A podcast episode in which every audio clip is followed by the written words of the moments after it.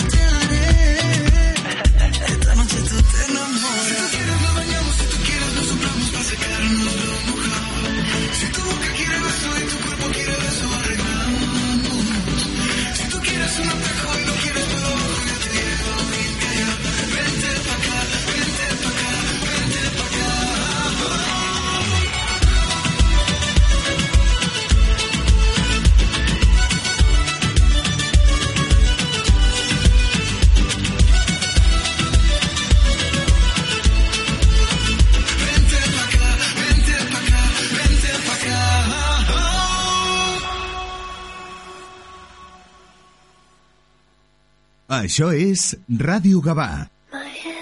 La Yad, 25 años gestionando todo tipo de inversiones inmobiliarias, con asesoramiento, tramitaciones y soluciones. En Gabá, si vendes, compras o alquilas, La Yad. Nosotros lo hacemos. Tú, como a casa. Carrer Sant Pere 73, www.finqueslayar.es.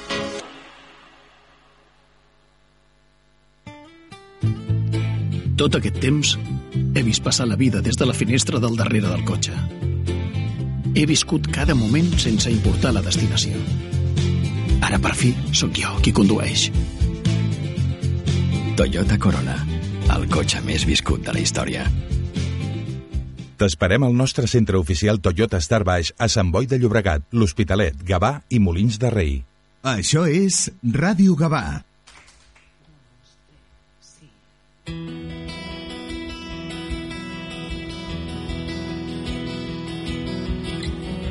Recuperar la fe tendría que volverme niña. Ser inocente, limpia, curarme todos los estigmas. Para poder brillar y desprenderme de la ira. Debilitada quizás, pero jamás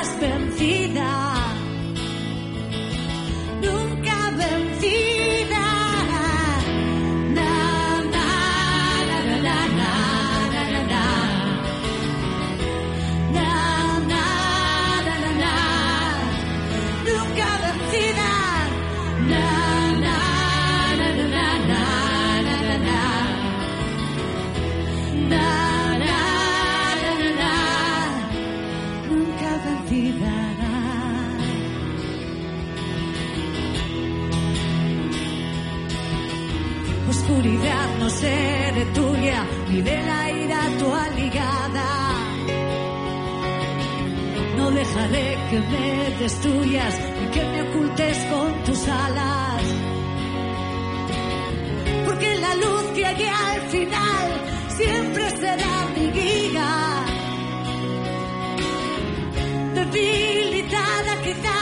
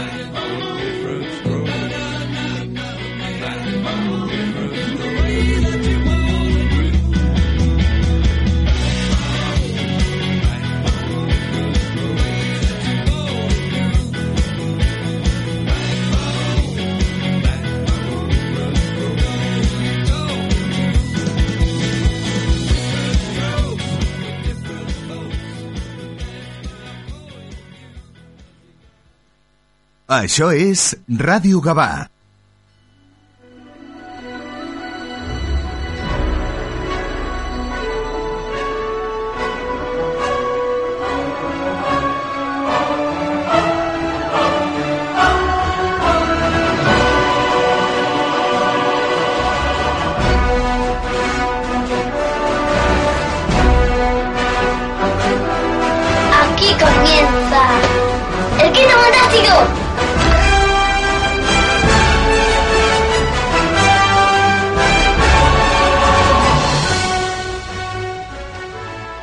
8 de la mañana y 25 minutos. Muy buenos días y bienvenidos a una nueva edición del Quinto Fantástico, episodio 14 de la séptima temporada.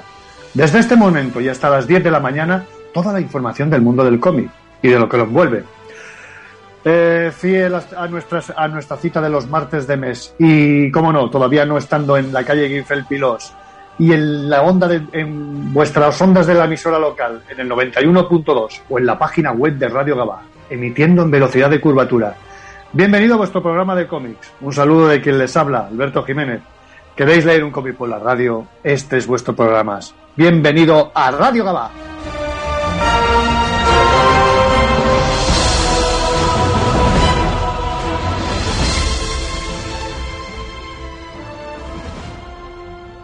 Nuestras vías de contacto.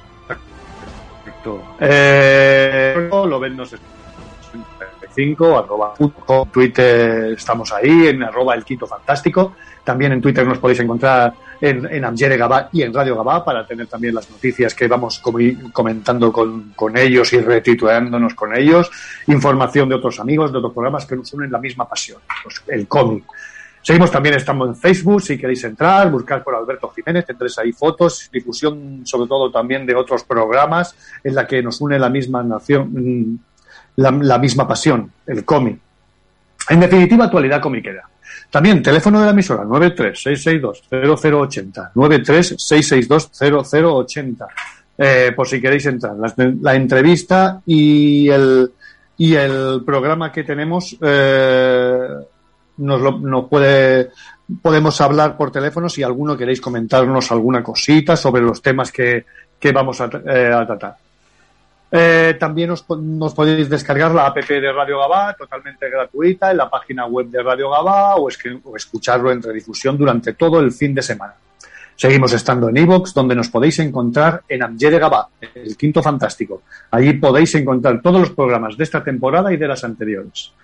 Seguimos sin estar en el estudio, eh, pero bueno, la cosa parece que va avanzando. Yo ya tengo la segunda dosis, es decir, que el suero del supersoldado está ya en mi cuerpo y, cómo no, creo que nos va a inmunizar a todos de cara a este veranito y, cómo no, y sobre todo para, para, para empezar con, comenzar la próxima temporada y, sobre todo, para dar a ese pistoletazo de salida que serán presentaciones, que serán salones de, de cómics.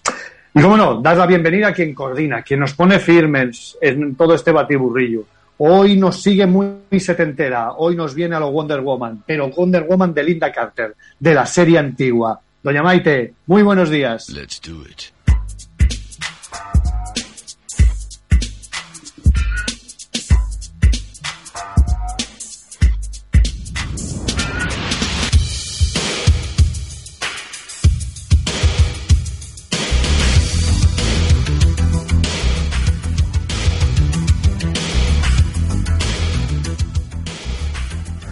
Eh, hoy, en el programa de hoy, tenemos dos temas. Haremos un recordatorio, un recordatorio muy especial para mí, que lo, quiero hacer desde, el mes de, desde el mes de abril.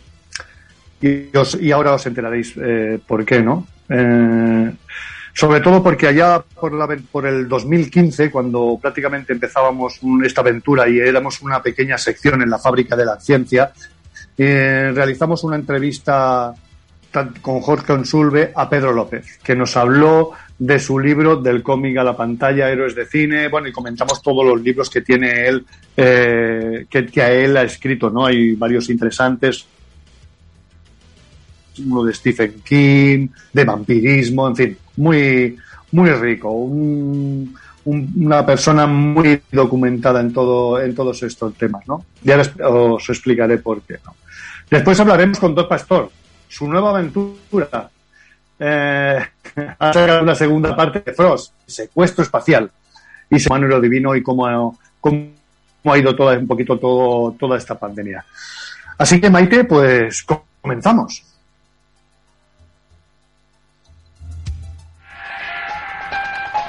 David Banner, médico, científico, busca la forma de explorar la fuerza oculta que todo humano tiene. De pronto, una sobredosis accidental de rayos gamma altera la química de su cuerpo.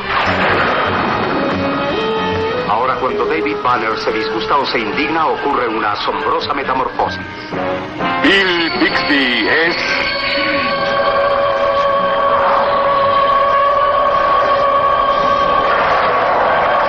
el hombre increíble. La ira impulsa la criatura, quien es perseguida por un reportero. Señor McGee, no me haga enojar. No soy yo cuando me enojo. Con Jack Colby y Lou Ferriño. Una explosión accidental cuesta la vida a una científica y supuestamente también a su colega David Barr. El reportero piensa que el monstruo es responsable. Le di la descripción a todas las autoridades y lo buscan ahora por homicidio. La criatura es buscada por un asesinato que no cometió. Se cree que David Banner ha muerto. Y este quiere que el mundo sepa que así fue. Hasta que pueda encontrar la manera de controlar el violento espíritu que mora dentro de él.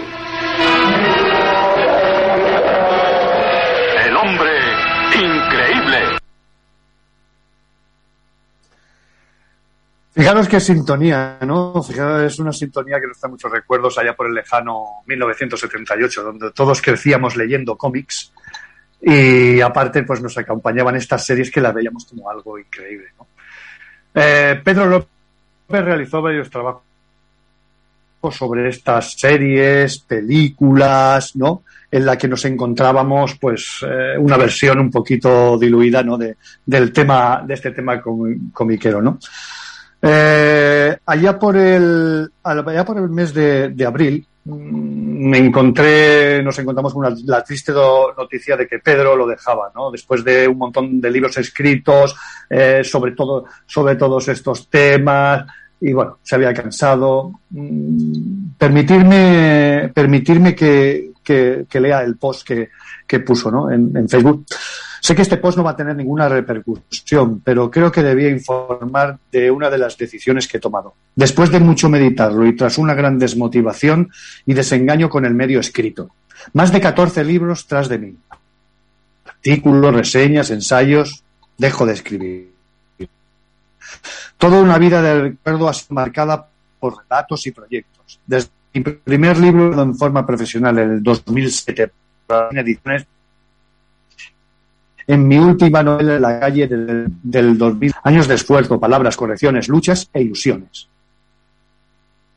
Pero ha llegado el momen- el momento de colgar la katana. Lo dejo. Vez se me ha escurrido de los dedos. A todos los que me habéis leído, muchas gracias. Y al que haya gustado mi prosa y sus contenidos, gracias también. Me voy con tristeza, pero sabiendo que no tiene sentido seguir.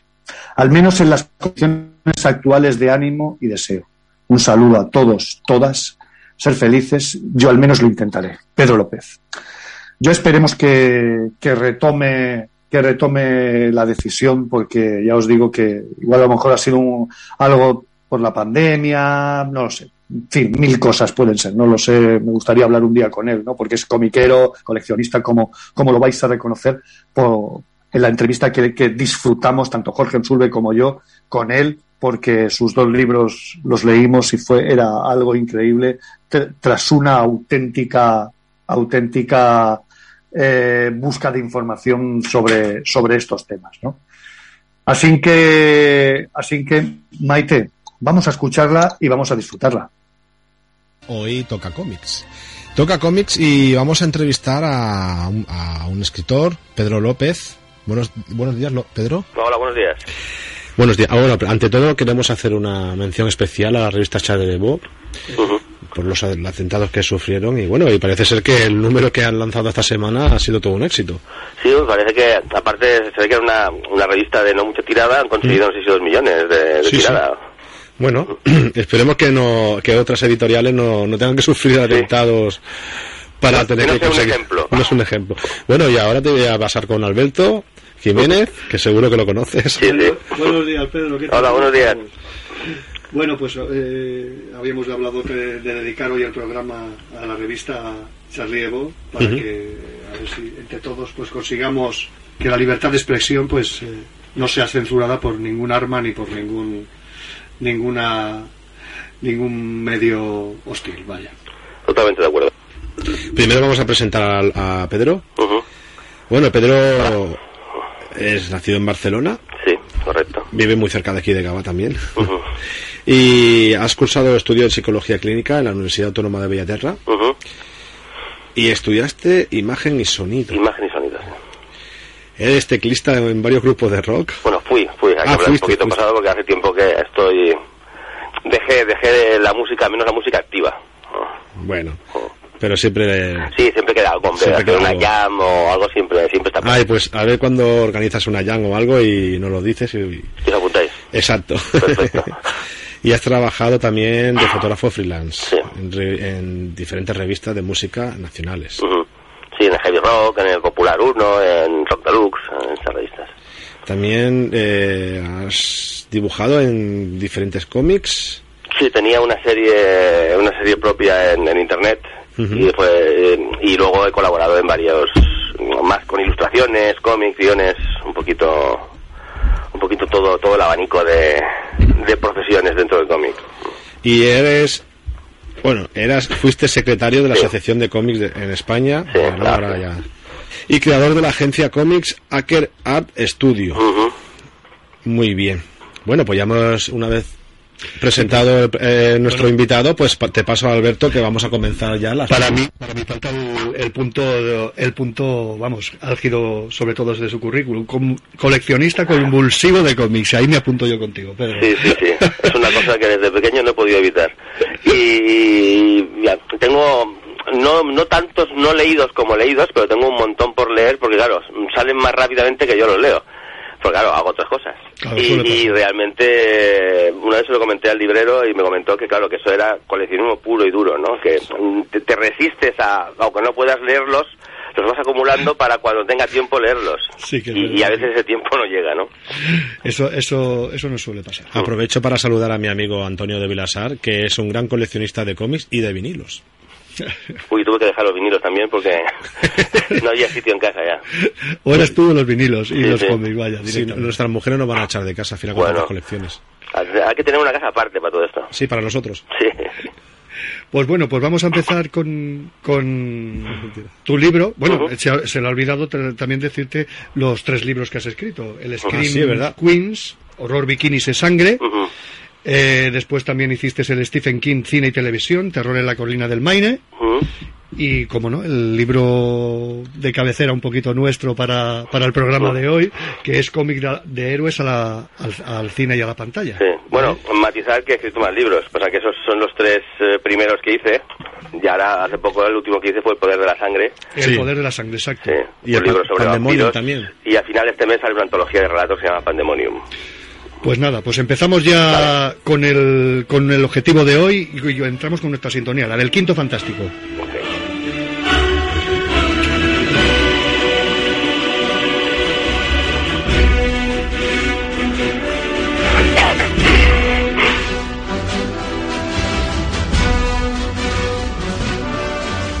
Bueno, Pedro, pues vamos a empezar con uno de los personajes mm, sim- eh, emblemático, con el gran, el, el hombre de acero. Vamos a empezar con Superman. Háblanos un poquito de la serie y de cómo los comienzos, sobre todo el- del 52 al 58, y cómo se hacían un poquito estos seriales, aquellos eh, en los que los efectos especiales, cómo lo- lo- los podían sustituir y demás. Sí, bueno, básicamente eh, las series eh, vienen, eh, las series televisivas de, de esta época vienen eh, como, como efecto secundario de las, de las series radiofónicas, ¿no? Entonces todo el mundo estaba pegado a la radio y había que suplir lo que era la imagen con mucha expresividad y, y sobre todo muchos efectos especiales mm, caseros, ¿no? Y, y luego el paso a la televisión, pues eh, surgió con, con el personaje, con la serie, como bien has dicho, de, de Superman, del 52 al 58, protagonizada por George Reeves, donde se supone que por culpa, por culpa o gracias, entre comillas, a él, eh, empezó la leyenda de, de la maldición del papel de Superman. Exacto, ¿no? la maldición que existe. Sí, empezó básicamente porque lo encontraron eh, en su habitación con un tiro en la cabeza y una pistola al lado. Vaya Superman. Sí, sí. Lo, curioso es que en la pistola no estaban las huellas de, de Riff. Con lo cual se, se, se- se estuvo pues eh, dando la idea de que había sido asesinato, de que no, pero como no encontraron ningún tipo de indicios, al final cerraron el caso con suicidio, ¿no? Pero siempre quedó esa aura de, de, de por qué había pasado, no se supo nunca el motivo del suicidio y empezó a, a la rumorología a crear el, la maldición de Superman, ¿no? Que luego mm, se vio refrendada, entre comillas, por una serie de, de, de- de problemas con los otros personajes, ¿no? Todos sabemos lo que le pasó a Christopher Reeve, Exacto, ¿sabes? exacto. Eli Kigley, eh, que fue el que interpretó a Superman de pequeño a los 14 años, murió. Su, la, la, la coprotagonista de Superman, Margot Kidder, era bipolar, la encontraron eh, en el bosque perdida, mm, Bueno, etc, etc, etc. Podría, podría desde Marlon Brando, todos los problemas que tuvo con sus hijos, Exacto, con sus, con sus, eh, con su, mm, él mismo tuvo problemas, mm, aunque murió a los 80 años, fue conocido que tuvo insuficiencia cardíaca, diabetes, vamos, que Bueno, podría ya- ya no se listado- cuidaba mucho, la verdad. Tampoco, ya lo demostraba él un También de verdad, ¿no? Eh, ¿No puede ser a lo mejor de la kriptonita? Eh, puede ser, puede ser que pero afectó por, por, por, por ciencia infusa a todos, ¿no? Vamos a escuchar las, eh, la sintonía, sobre todo de esta serie del 52 al 58. De acuerdo. Don't miss the next thrill-packed episode in the amazing adventures of Superman. Join with the Man of Steel as he wages war against the forces of evil. Thrilling adventure, intense excitement, pounding action, and spine-tingling mystery. Qué grande. Sobre todo los efectos especiales Sí, eran, sí, eh, era impresionante. eran impresionantes porque eh, creo recordar, Pedro, eh, que en tu libro lo pones, que cambiaban cuando, por ejemplo, Superman tenía que volar, aparecía un cómic, ¿no? Sí. Eh, aparecían dibujos hasta que volvía otra vez a la escena, eh, en este caso George Reeves y demás, ¿no? Sí, sí, sí. Intentaban suplirlo con imaginación, más porque técnica no, no había en ese momento, ¿no? Y, y bueno, fue una, una serie que sentó bastantes bases en lo que fue el personaje en sí, ¿no? Sí. Mm, Pero bueno, en- hay que recordar también que, que Jerry Siegel y Joe Sutter, los creadores, em, no murieron en la miseria porque denunciaron a DC un montón de veces porque este personaje ha creado miles de millones a la editorial, en películas, merchandising, cómics, etcétera, etcétera, ¿no? Y ellos solo consiguieron 60 mil dólares cada uno por sentencia. ¿sabes? Y luego dos pensiones vitalicias de 35 mil dólares al año. Después, en el 75 estamos hablando, ¿eh? Claro. O sea, que hablamos de, de, de, haber ido detrás de, de recuperar los derechos de autor, lo que decíamos de, de la vida del dibujante, que, que antes, vamos, no siempre ha sido mm, bollante, ¿sabes? Sí, sí, sí. Pues vamos ahora con la segunda, con la segunda sintonía que tenemos de otra serie también de, de, Super, de Superman.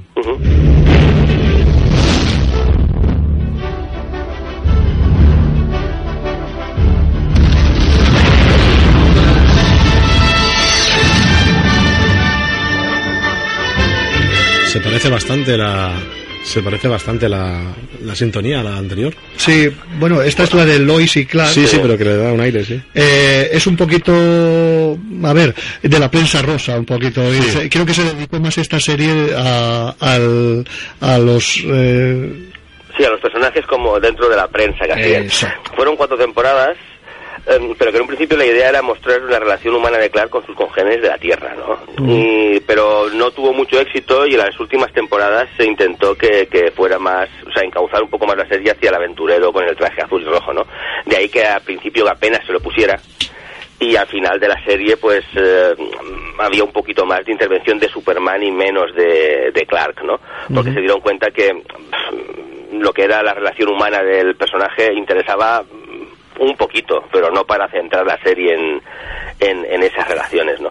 Y yo creo que fue el problema de, de, de esa serie, porque mm, estaba bien, bien enfocada, estaba bien montada, pero mm, lo que no supieron es acertar en, en, en los guiones y en la temática para enganchar a la gente, ¿no? Aún así, ya digo, duró 88 capítulos, que son Sí, sí. bastantes para, para un personaje. Y creo que el Superman que lo encarnaba eh, era, un- a ver, el- pues las características de él, los rasgos faciales eran bastante adecuados a, a sobre todo al del cómic. Y la sí, chica sí, era también. bastante parecido a la imagen a la imagen del cómic, incluso incluso de su compañera Lois también. Ujú. Eh, eran muy arquetípicos dentro de, de, de la iconografía del, del cómic, ¿no? Pero aún así, claro, mm, un 60 minutos al fan de Superman que no se ponga el traje casi nunca, Exacto, ese era el problema. ese era el problema. era el Está muy bien como relaciones humanas, pero si no metes al Superman que todo el mundo quiere ver, al final fue decayendo la, la serie hasta que tuvieron que cerrar. Vale. Pues vamos a pasar a la siguiente también de Superman. Vamos a ver con Smallville. Pues Smallville eh, yo creo que ha sido la, la, la serie que ha tenido más más enganche en la gente, precisamente porque hablan desde el, desde el nacimiento del personaje hasta la creación casi de la Liga de la Justicia. En 10 temporadas han recorrido pues su relación con, con la gente de Smallville, eh, su relación con Lex Luthor, que varía evidentemente bastante del cómic. En un principio han creado una, una subserie, digamos, ¿no?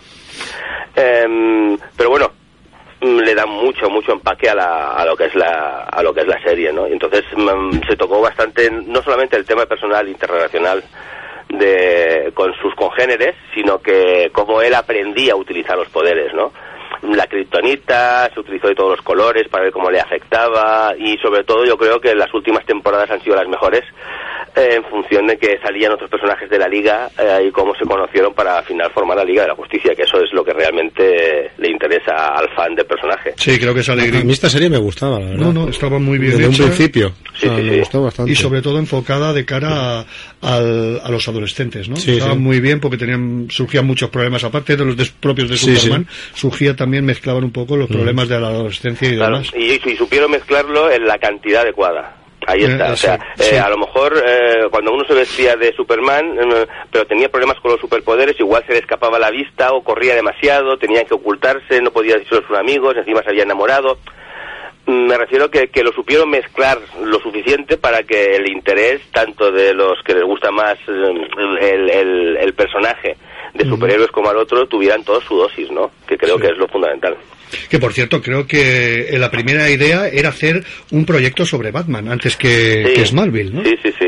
Pero mm, en un principio la productora se negó porque había películas de Batman en, en antena y, y- y en, en películas, series y había proyectos de cine también y no querían tener competencia en eso y entonces el mismo el mismo creador de la serie eh, entonces propuso hacer lo mismo pero con Superman porque el guion base era el Batman.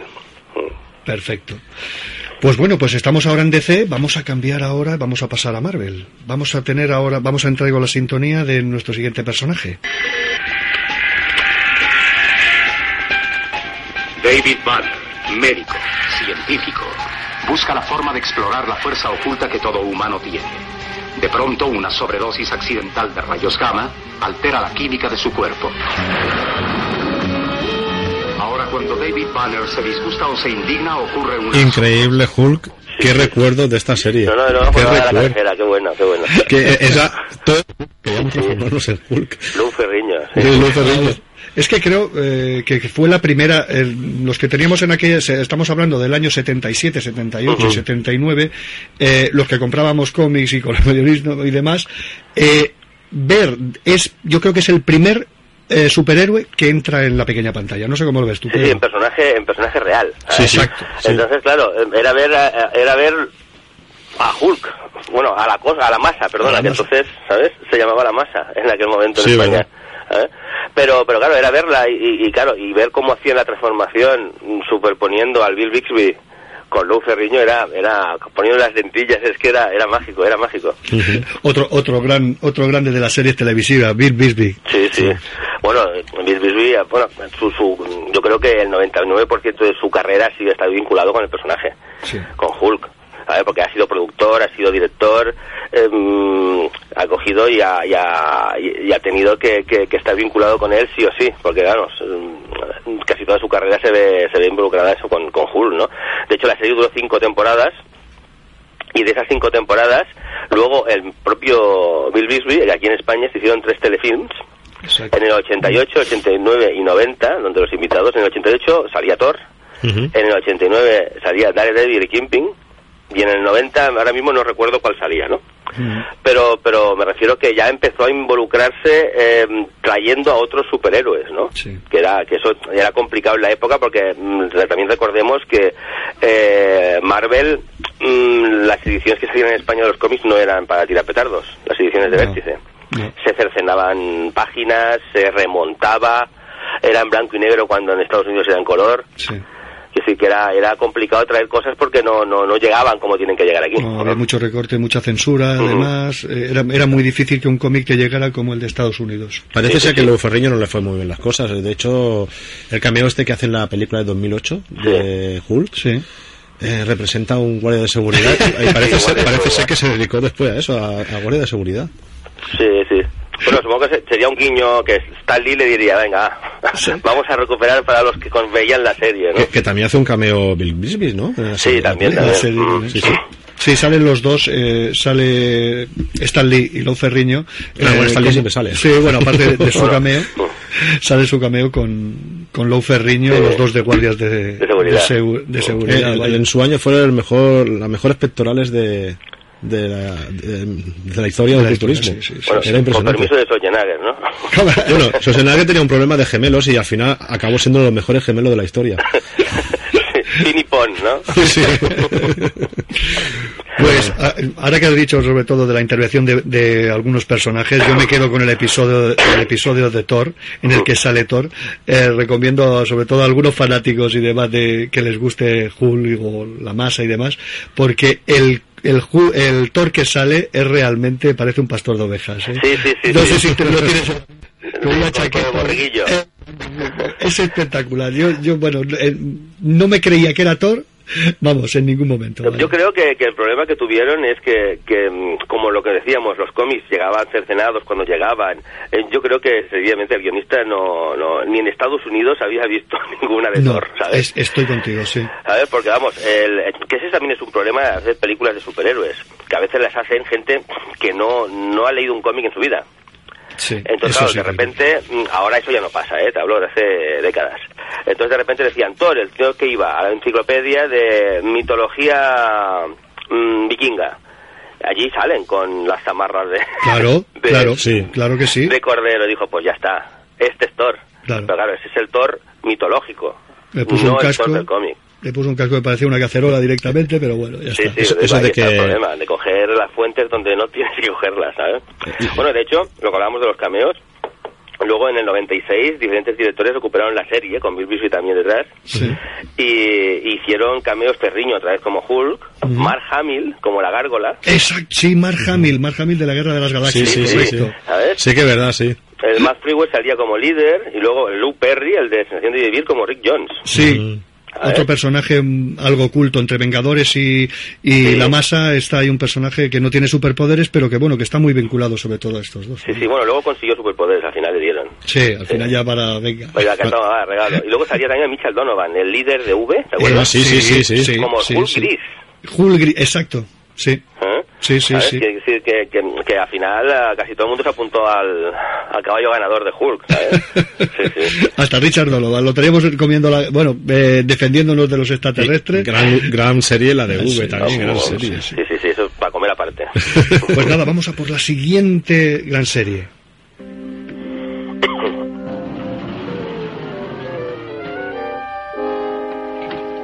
To the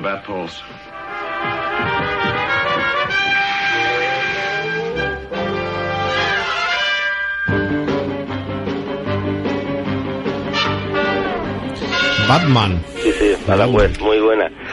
ahí tenemos a las voces de Adam West y Y Burwell. y Burwar espectaculares sobre todo es- esto esta serie vamos es hay un antes y un después de, de, Sí, sí. de Batman de esta serie vale. Yo creo que ha sido la, la- la serie más colorista, más mm, dicha dicharachera, por decirlo de alguna manera, Sí. de, de- del personaje. Porque realmente era eh, intentaban hacer eso, cómic, cómic visual, sin, sin ningún tipo de, de vergüenza. Los, las onomatopeyas, em, los efectos, eh, bueno, era, era brutal, era brutal. Bueno, de hecho, cuando hicieron la serie, el, vinieron a España a buscar a un guionista. Sí. Sí, me Sí, pasa. y, y le ofrecieron a Alan Napier para hacer de Alfred, que era el, el- el- el, digamos, un actor de teatro y Sí. muy reconocido, y él en principio se negó hasta que le dijeron que le iban a pagar 100 mil dólares por capítulo. Sí, es que Alan Napier lo ves y es, es el típico actor inglés, de espigado, eh, sespiriano, directamente. Sí, sí, sí, sí. Y claro, él dijo, ¿cómo voy a hacer yo esa payasada? Y dijeron 100 mil, y dijeron, ¿dónde firmo? Bueno, Así de claro. claro. Sí que es verdad, sí. Pero lo, lo más importante también es que había había bastantes cameos y de- eh, en esta propia serie de otra de otras de, de otras series. Ahora eh, el otro día precisamente hablábamos directamente de esta serie que va a entrar ahora. Another challenge for the Green Hornet. His aide, Cato, and their rolling arsenal, the Black Beauty. On police records, a wanted criminal, the Green Hornet is really Britt Reed, Aunque Green Hornet. Hornet, precisamente Jorge lo tenía en mente el otro día, se le ha hecho un pequeño homenaje a él porque es un personaje que aunque no tenía cómic, pero que era bastante... El avispón verde. El Sí, sí. verde. Que en un principio se llamaba el avispón solo, al final le pusieron verde porque se enteraron que los tábanos son, los avispones Sí. verdes son más, más peligrosos. Yo llegué a escuchar incluso el moscardón verde. También, también, sí, sí. Y aquí tenemos un personaje idílico y yo soy súper fan de él. Cato, ¿no? Sí, exacto, exacto. Bruce ahí... Bruce Lee. Pero bueno, Cato era el chofer, que además no era Sí. ni el avispón. No, no. Era No, el no. chofer del avispón, Ujú. ¿sabes? Era un niño, tendría 15 años o así, ¿no? Sí, sí, era, y los dos tenían gran, gran... Lo que no sé si sabéis es que el avispón verde en la misma serie eh, era el sobrino nieto del llanero solitario. Jolín. Ahí ya no, ahí ya no El llanero solitario es el mismo autor. Sí, sí. Ostras, qué fuerte. Sí, sí. Y entonces aprovechó y dijo, pues nada, el iPhone verde es el sobrino nieto del llanero solitario. Y en una serie, lo- uno de los capítulos lo comentan, ¿no? Pero claro, yo cuando, cuando me enteré también dije, joder, esto ya es hilar fino. Sí, sí, sí. Sí, tanto. Y eran los dos muy habilidosos con las artes marciales. Bueno, de hecho fue la primera la primera intervención de, de Bruce Lee con- en una serie, como Kato. Es, eh, es, es un- yo creo que es la base prácticamente y es una pena es una pena que esta serie llegó tan tarde a España Vaya, debido a las 79. censuras Había una, un- una como una fotonovela de, de la serie. Una foto- la Pero llegó tarde sí. porque el- la censura la, la prohibió porque se ve que en algún capítulo se criticaba o se, o se ridiculizaba a dirigentes españoles y, y se parodiaba la dictadura. Sí. Entonces, claro, a Franco no le hizo mucha gracia. Y hasta que re- recortaron eso y la censura lo vio, pues claro, tardó bastante en llegar, claro, ya digo, tardó casi, bueno, 12 años, ¿no? Sí, esta serie se estrena en el 66 y llega aquí casi 78. 79 casi, sí. Exacto, exacto. Y ahora vamos que también con, con la sintonía. Yo creo que es la serie de Batman, pero es la más, la más creo que la más oscura y la más de, de culto. Ahora hablamos de ella. Vale.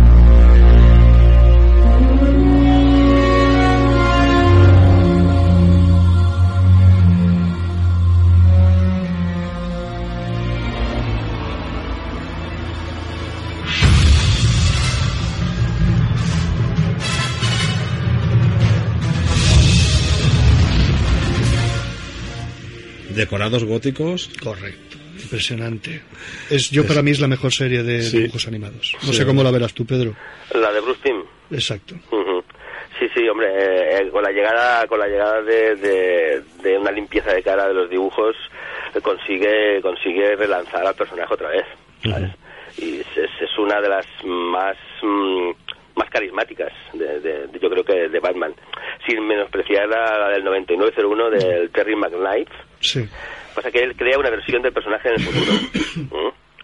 Y entonces, claro, esa intenta mm, proyectar a, a Batman al futuro, y entonces mm, recrea el, el traje, lo reinventa y también tuvo bastante, bastante, bastante popularidad, ¿no? Pero luego la del 90 es la, la que rompió moldes en, en la animación. ¿No crees tú que Nolan se inspiraría en esta serie? Mm, Puede ser, puede ser, pero claro, mm, ten en cuenta que, que Nolan siempre ha, ha confesado su, su debilidad por, por los dibujos animados, por los cómics. mm, ha bebido de, de, de muchas de, muchas inspiraciones, mm, no me extrañaría que esta fuera una de ellas. Es que, a ver, no es que encuentre unos paralelismos muy, muy, muy acertados, pero eh, sobre todo en su trilogía, Dark Knight, Caballero Oscuro y demás, la veo muy parecida a, a esta serie de dibujos animados. Sí, yo te digo que, posiblemente, mm, claro, mm, hay que tener en cuenta también que, que, mm, es muy difícil a veces recrear un personaje, reinventar un personaje, porque no es que todo esté hecho, pero pero bastante, si tienes unos gustos parecidos, sin querer te puedes ir a unos conceptos estéticos similares, ¿sabes? sin que sea ex proceso. ¿sabes? Pero bueno, no me extrañaría que, que, que se hubiera inspirado en la serie, ni mucho menos. Seguro. Pues nada, vamos a por la siguiente sintonía de nuestro gran amigo y vecino.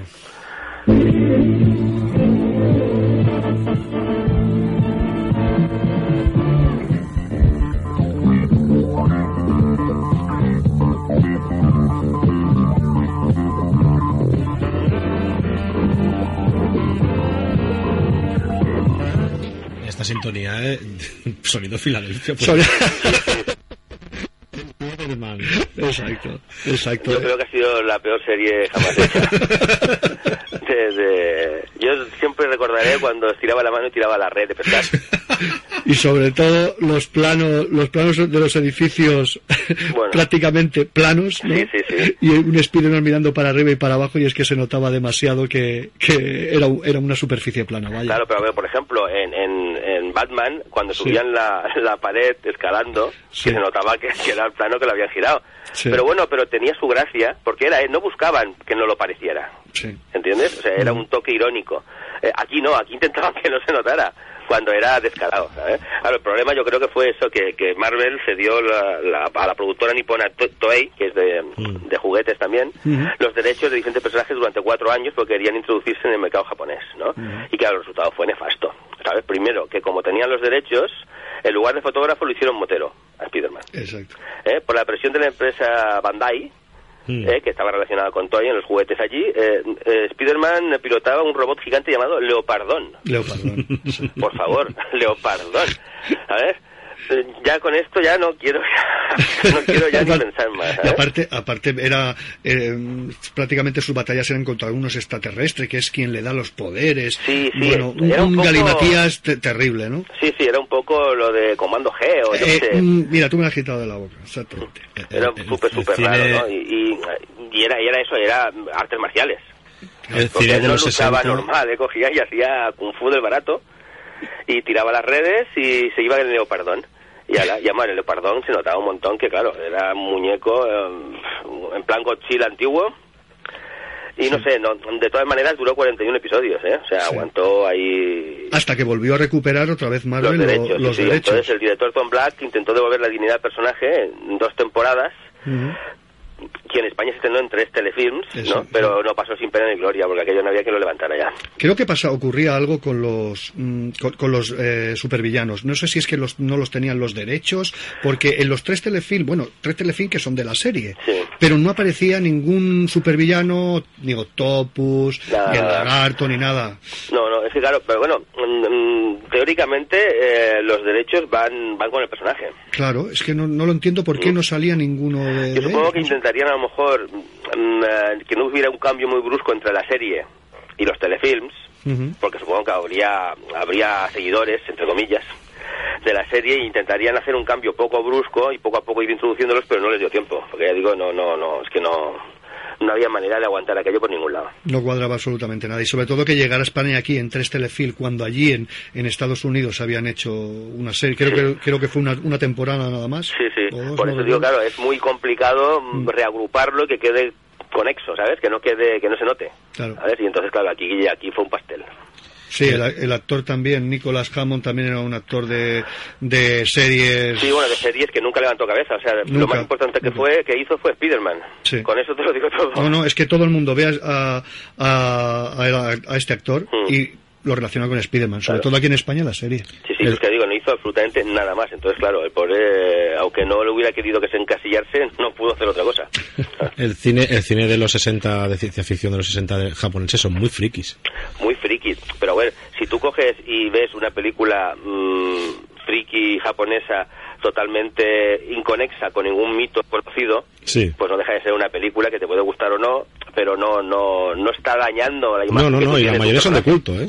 ¿Eh? Y la mayoría son de culto. Sí, claro, claro que sí, pero me refiero que son, son de culto en C, ¿sabes? Sí, sí. Claro, pero de repente ves a Spider-Man, que tú lo estás cansado Ya. de leerlo y de saber sus coetáneos, de saber sus Mm. poderes, de saber los, los, los artefactos que utiliza y te lo ves con el leopardón, Sí. ¿sabes? Y tirando redes y luchando kung fu con, con cuatro extraterrestres, pues ves que no es ese Spider-Man que tú conoces. Ya, ya. Entonces, claro, ahí está el problema de la Mm. serie. No, no que fuera fuera, que se alejara de lo que hacía Japón en ese momento en cine, sino que lo que se alejaba era el Spider-Man. Una de las cosas que a mí me, me- me da mucha rabia es que cuando, sobre todo, y sobre todo los niños ahora que más pequeños, eh, que siempre te dicen, es que quiero el coche de Spiderman o quiero el helicóptero de Spiderman. Digo, si es que Spiderman nunca, Nunca tuvo coche. coche ni helicóptero. Y No le hacía es- falta. claro. No, no. Lo que pasa es que le hicieron un... un, eh, lo que sí que es verdad, hubo una temporada que estuvo, que era muy amigo de la antorcha, Sí. de los Cuatro Fantásticos, que, que el, el Red le hizo un, un buggy.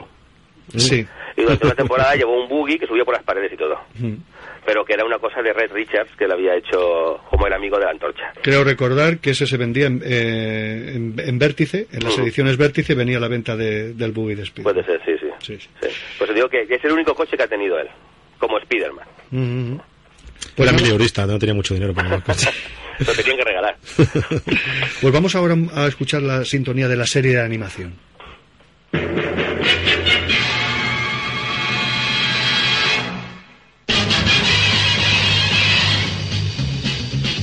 Spider-Man, Spider-Man, does whatever a spider can. Spins a web any size, catches thieves. Bueno, esta serie se, mm, se emitió en España también bastante tarde y demás. Llegó, llegó también algo tarde debido, no sé si a problemas de censura o... Yo, sí, no, no, no. Yo creo que, a ver, el problema que ha tenido España siempre que nunca, nunca se ha tomado en serio el tema superhéroes. Es, es un problema. ¿eh? sobre todo en estas décadas. Sí. Entonces, claro, era, era un producto inferior que las televisiones eh, muchas veces no les interesaba comprar, sin plantearse si iba a tener buena tirada o no en, en los críos, ¿no? Entonces, claro, pocas cadenas que había mm, intentaban utilizar el, el tiempo que tenían con sus con sus con los chiriplitifláuticos, con los payasos Sí, de la tele sí. y los dibujos se compraban que ya tenían eh, asegurado el éxito como los autos locos Sí. y este tipo de series, ¿no? Entonces, claro, arriesgarse con, con un superhéroe cuando el mercado de cómics de superhéroes en esa época aquí tampoco era para tirar petardos, aquí estaba Capitán Trueno, Jabato y lo que sacaba Vértice, un poco más. Eh, algún pugarcito, eh, por eso digo que, que una de las series, uno de los motivos de que las series de animación de esa época de superhéroes no llegaran, una era esa más que la censura. En los, hablo en, en animación, ¿eh? Eh, Y luego aquí, pues claro, eh, Spider-Man no dejaba de ser un producto muy conocido fuera, pero aquí con el franquismo no dejaba de ser un subproducto. No, yo me acuerdo de pequeño que la serie la cambiaban continuamente de, o, o no, De día, de hora, de hora. No, no, no había, a lo mejor antes a, a las 5 de la tarde, después al día siguiente no se emitía, después al día siguiente se emitía a las 3, bueno, en la UHF. No, no recuerdo yo la serie esta de, de Sí. aquella época. Sí, daban- eh, estuve- no sé si es que compraron unos episodios y al no tener éxito, pues la ponían cuando ellos les daba la gana. Sí, lo- bueno, tenía, los tenían comprados por, la, por entonces, como aquello que hacían minutos musicales, ¿no? Sí, sí. Pues cogían y decían, hostia, tenemos un, un hueco de media hora, mete Spiderman. Sí, sí. y ya está. Pues vamos ahora con una serie Made in Spain.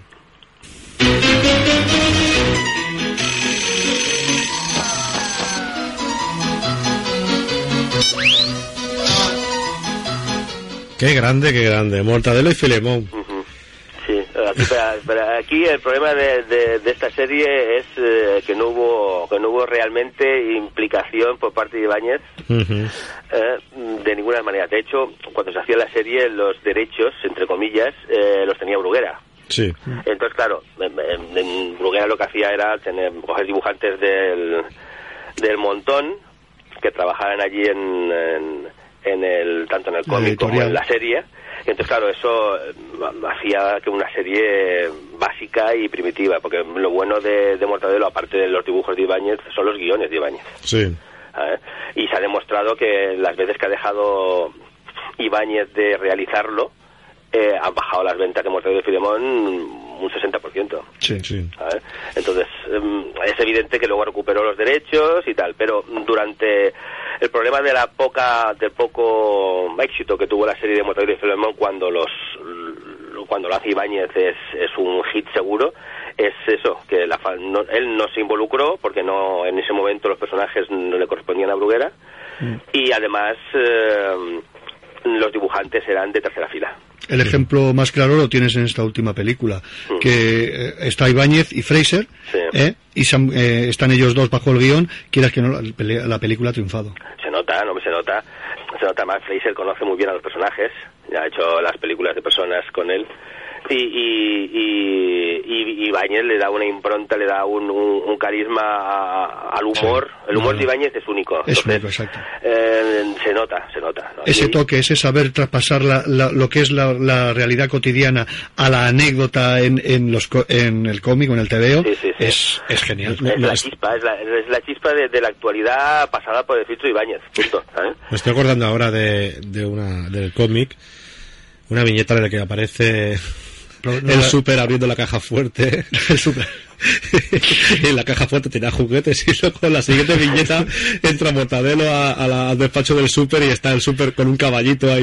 El capítulo era de, del diamante, en busca del diamante, que al final lo encuentra en el fondo del mar y bueno, es muy grande. No, no, es bueno. Y los secundarios que tienen, la Ofelia, son el, el, grandísimos. el doctor Bacterio. Sí, el- sí. único.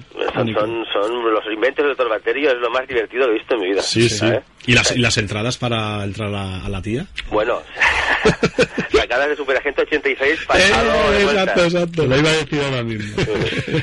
Muy bien, muy bien, pero ya digo, la serie de animación el problema que tuvo fue eso, ¿no? Que es el- no no no contaban con un equipo creativo inspirado y, y- y era un bodrio. Realmente yo he visto algunos capítulos y son olvidables.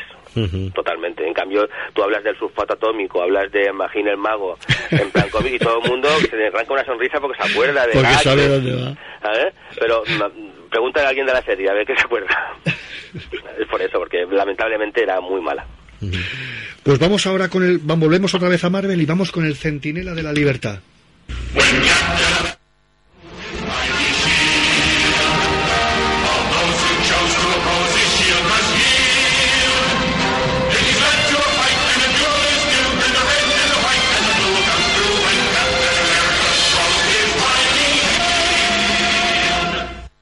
Pues ahí. Capitán América. Steve Rogers. Exacto. Una serie que no tuvo un poquito casposa, ¿no? Eh, no Sí, tuvo un a ver, éxito. esto es lo que habíamos comentado antes, ¿no? Cuando pones a unos guionistas y a un director que desconocen eh, la impronta y el perfil del personaje, mm, sale esto, ¿sabes? Claro, tú coges y en- para hacer algo del Capitán América has tenido que leer Capitán América. O sea, no, no, no informarte sobre el Capitán América. Y más teniendo en cuenta que es un emblema americano. Estamos hablando de un personaje que no puedes fallar si quieres eh, tener éxito en el público en el público foráneo de allí. ¿sabes? Sí, sí. Y, y nada, mm, además el director que le realizó no tenía experiencia en, en, en películas de acción, era, era director de fotografía y lo pusieron a hacer Capitán América. Y no solamente no tenía experiencia, sino que no conocía el personaje. Claro, es que nosotros damos por supuesto muchas veces de que, oh, Capitán América, todo el mundo lo conoce. Bueno, todo el mundo no lo conoce. No, todo el mundo lo conoce. ¿sabes? O sea, bueno, puede conocer el, el, el icono, ¿sabes?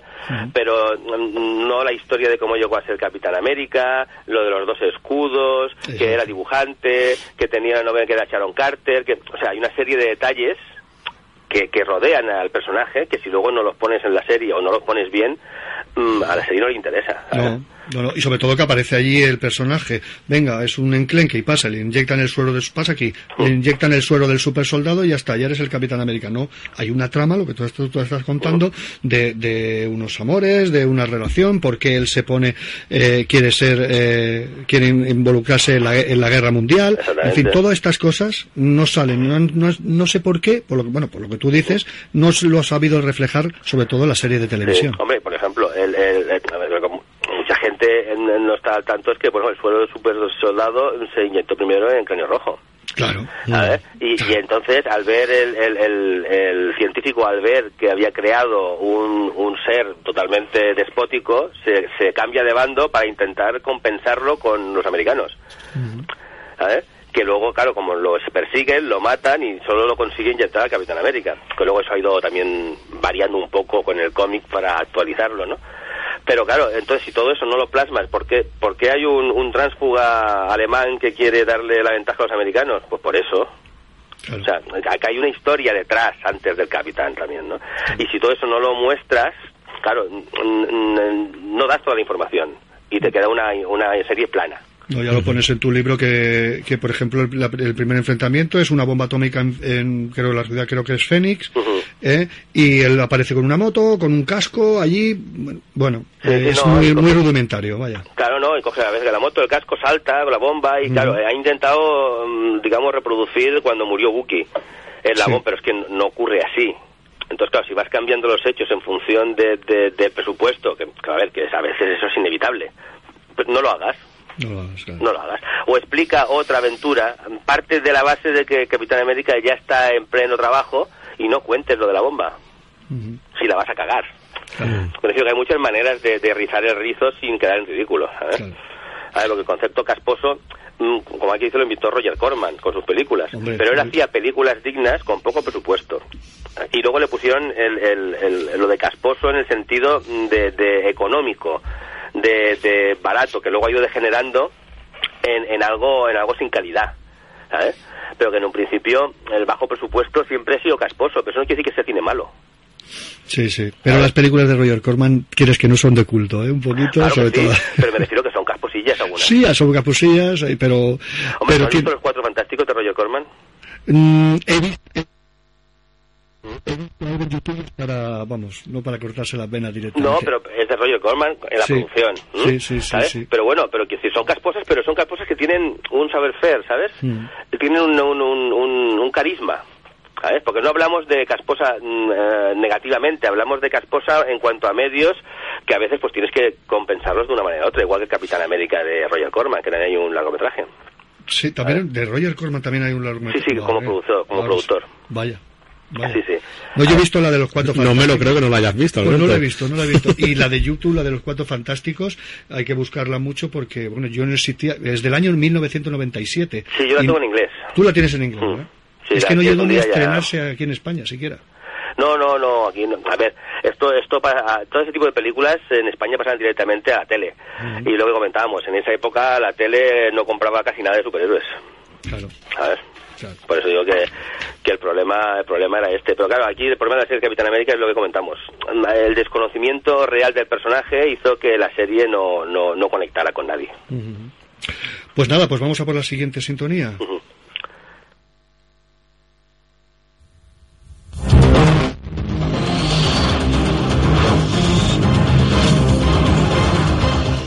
X-Men. Patrulla X. Patrulla X. X-Men. Los famosos. Los más, fa- mutantes. los más famosos mutantes. Esta serie eh, se encarga bastante, sobre todo, coge bastante del cómic, ¿eh? Sí, sí. Mm, eh, eh, cogen. eh, el- yo creo que el problema de la serie, mm, eh, si por sacarle un defecto, es que los que los que mm, la idearon, yo creo que no eligieron al tándem adecuado de personajes. Sí, Me también. explico. ¿Eh? La Patrulla X es un poco como los Vengadores de los mutantes. Mm. Antes no, antes eran los cinco, ¿no? El Hombre de Hielo, La Bestia, Chica Maravillosa, Cíclope y... y- Los cinco originales. Ángel. Sí, exactamente, ¿no? Y, y con el tiempo pues se fue cambiando la formación, ahora tú, ahora yo y tal. Y entonces mm, se llegaba a convertir en un culo, un culo de saco, esto es un... de, de mutantes. Entonces, claro, tú podías elegir la formación que quisieras en función de, de, de la misión. Sí. ¿vale? Y yo creo que el problema de, de, de esta patrulla es que no cogieron adecuadamente a, a la misión, porque estaban formadas la serie por Xavier, por Lobezno, Cíclope, Jean Grey, Pícara, Gambito, Sí. Tormenta, Bestia y Júbilo. Gambito. Gambito, sí. ¿eh? Que dices, Júbilo tiene que estar en los X-Men de la tele, cuando siempre ha sido un personaje secundario. Claro. Eh, Gambito, mm, los americanos le tendrán mucho cariño, pero Sí. no, no es un personaje que, que sea carismático dentro de los X-Men. Entonces, eh, yo creo que, el- el y claro, y sus relaciones con los demás. ¿Sabes? Entonces yo creo que aquí hubo un problema de formación que no acabó de cuajar en el público, ¿no? Ahí quizá la mentalidad americana que, no sé, acepta más a, no sé si por a través de la, la Segunda Guerra Mundial, acepta más a, a lo que es los franceses. Al ser gambito francés, Bueno, yo pues creo que fueron minorías también, algo- japonesa. Sí, también júbilo japonesa, sí, también. ¿Sabes? Por eso te digo que, bueno, Xavier porque es el mentor, lo no porque vende siempre, Cíclope porque es el líder, Jean Grey la novia de casi los dos, Cíclope y da, Pícara absorbe los poderes de todo el mundo, Tormenta es africana y la bestia es un mono azul. O sea que, y yo creo que intentaron igual hacer un, un algo muy internacional, Muy bien. ¿sabes? Pero mm, a nivel de, de, de guiones estaba bien, muy muy parecidos a los del Sí, cómic. la, la estructura es la, es la del cómic, ¿eh? La del cómic se utilizó mucho a los centinelas, que eso siempre vende. Mm. Y, Y días de futuro pero, pasado. mm, Yo creo que les falló la formación. Sí. ¿sabes? Y entonces, claro, a, a ese, a ese, en ese punto, si no engancha la formación, por muy bien que esté escrito, es como un cómic. A veces el guion es muy bueno, pero si el dibujo no te atrae, mucha gente no lo compra. Porque tiene que entrarte por la vista primero, ¿no? Y aquí la, la formación creo yo que no, no cuajó. No, la sintonía atrapaba mucho, después también eh, lo que tú dices, la, la, la estructura de los guiones y demás, pero la formación quizá no, no atrapó del todo. No acabó de atrapar, ya digo, porque, mm, porque incluso los enemigos, o sea, tenían a, los sentinelas, tenían una serie de, de, de, contrarios de altura. Pero mm, yo creo que estos personajes no acaban de darle la espectacularidad que debería darle a la Patrulla X en movimiento, ¿sabes? Que, que, que tendría, y, y eso y eso le pesó mucho, como un lastre muy grande. Pues ahora nos vamos a despedir ya prácticamente y vamos a despedirnos con un personaje español y muy carismático de aquí de Barcelona. Seremos peligrosos, seremos peligrosos. Y nos llaman maleantes. ¿Por qué?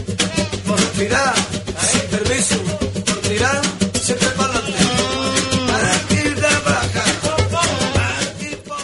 Uno de los personajes de la película, Manuel Castillejos, de aquí de Gabá. Es de aquí. Sí, sí que es verdad, Amigo. sí. Un saludo para Manel. Hermaki. El Maki. Hermaki. El, gran- el personaje creado por Es Iván. increíble. Espectacular. Bueno. Iván sacó sus experiencias de cuando vino vino a Barcelona, eh, vivía las pensiones de Sí. del Raval. Y ahí pues se vio pasar de todo, porque vamos, si todo lo que explica lo vivió, poca broma. No, no, es un- las relaciones allí entre drogadictos, La celebración de fin de año en la película, la celebración La de fin de año en el bar del de pirata es increíble. ¿Con cuál te quedas tú? ¿Con Andrés Pajares o Yo con Pepe Rubianes. con Pepe, no? Yo con Pepe, pero porque tengo debilidad también por él, ¿no? Sí, también es verdad. ¿Sabes? Y, y sin, sin quitarle mérito en absoluto al papel que hizo Pajares, que yo creo que, que lo hizo bien. De hecho, le ofrecieron el papel de la serie a Pajares. Pero estaba haciendo Ay, señor, señor. Sí, y entonces tuvo que declinar y, y entonces fue cuando entró entró Pepe ¿sabes? pero pero vamos mm, yo creo que es una gran serie mm, que por desgracia no han repuesto nunca Sí. Es una desgracia. Sí, eso sí que es verdad. ¿eh? porque mira que reponen mm, porquerías perdón por la palabra No, no te preocupes. pero pero vamos mm, podían podían haberle hecho no Sí, mira que en la 2 hacen días temáticos, noches Sí. temáticas y demás, y yo creo que el Maki sería, o con- junto con otros personajes creados por Iva, como Mm. historias de la puta Sí. Mili, Sí. ¿eh? podían reponerlas. Hombre, pero además fueron dos, dos, dos temporadas que duró y que se pusieron en la 2 bien. Sí. ¿sabes? Quiero decir que además eh, mm, es, es la, la cadena donde nació, digamos, la serie, ¿no? Y cada, cada temporada dirigió, la dirigió Cuerda y, y, y la otra Suárez. Una- Cada temporada dirigió uno. Y, y yo creo que estupendamente las dos. ¿eh? Eso sí, ni, ni Iván ni Nebreda intervinieron en los guiones, pero realmente el equipo técnico que había detrás no, no es para desmerecer, como en otros casos, ¿no? Aquí estuvieron a la altura del personaje perfectamente al igual que el casting, ¿no? Con Pedro Reyes, eh, Sí. Mario Pardo, Ascardo Borrás, o sea, estuvieron todos todos excepcionales y muy muy a la altura. Yo creo que era muy difícil llevar eh, el personaje a, a una serie por por eh, no solamente por los guiones, sino por el estilo de dibujo que hacía difícil a veces mm, encontrar eh, a los personajes que fueran idóneos y que te los recordara. Hombre, no solamente por la personalidad, ¿no? Uno de los guionistas que pones en tu libro precisamente, que yo no lo sabía, era, es el Gran Guayomi. Sí, sí, sí. ¿Sabes? Entonces, claro, mm, mm, fue, fue, Guañame es experto en este tipo de cosas. O sea, Se mueve como pez en el agua en este tipo Sí, sí, es de garantía barrios de- como Rabales es, es Además, disfruta es mucho. arrabalero. Pero que muy bien, yo creo que fue plasmar de una manera muy fiel y muy muy digna la serie a la a la pequeña a la pequeña pantalla y, y no digo yo mejor que el cómic porque eso no sería verdad, pero ha estado a una altura que no se desmerece en absoluto. Dos estupendas temporadas. Sí, perfecto. Bueno, pues lo vamos a dejar aquí, Pedro. Ok. Ha sido un placer, Pedro. Eh, está- se nos ha hecho corto estos 50 minutos contigo. Ha sido verdaderamente, vamos, un placer. Pero Lo total. mismo digo. Y nada, pues a ver si quedamos un día. Yo con Alberto se lo digo más de una vez y, y no hay forma, pero bueno, de quedar un domingo para ir al, al mercado de San Antonio. a- Sí, es el sitio ideal para quedar los tres, desde luego, el mercado de Lo que San pasa es que Antonio. yo estuve hace poco Sí. y, y aquello es ahora bueno, se, se ha, se ha triplicado, se ha multiplicado la gente, hay, eh, parece el corte inglés en rebajas, Mm, sí. es imposible andar por Sí, los bueno, pasillos aquellos. Mientras que esté en obras el mercado, pues está la carpa aquella y... Sí, sí, pero digo que es, es, es, es, es- es un submundo, ahora, ahora sí que es un submundo. Sí, sí. Vaya, pues habrá que Habrá que ir. Oye, lo que sí que te emplazamos, a ver, hoy hemos tocado los temas de, de televisión, las series y demás, a ver si te emplazamos otro día y hablamos de las películas. Cuando queráis. De los 60, 70 y 80 de superhéroes. Estoy a vuestra disposición. Y de, y de series de terror también. Y de Por series ejemplo. de terror. Pues si empezamos serie de terror, preparar hora 30 o así. Y recomendar tus cuatro libros, recomendarlos sobre todo De- del cómic a la pantalla, héroes de cine, colecciones de cine, Alcadín Ediciones. en Arcadín Ediciones pueden encontrar prácticamente todos lo- los libros. Bueno, se pueden encontrar los cuatro. Perfecto. Pues un saludo, Pedro, y muchas saludo. gracias por haber Pues estado gracias a aquí. vosotros y cuando queráis estoy a vuestra disposición. Gracias. Venga, un abrazo.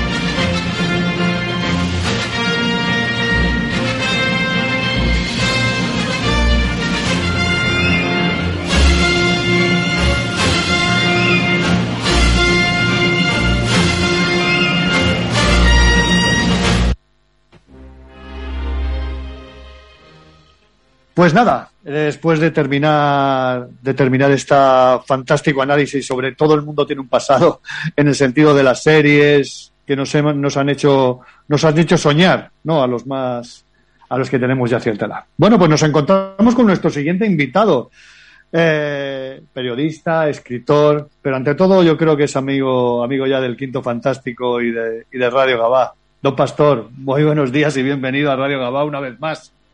Hola Alberto, ¿qué tal? Tampoco tienes tanta edad, no seas exagerado. Bueno, mira, ayer cumplí 56. Bueno, eso, eso que es hoy en día, esos son como los, como los 35 de antes, eso no cuenta, hombre. Eso sí que es verdad, eso sí que es verdad.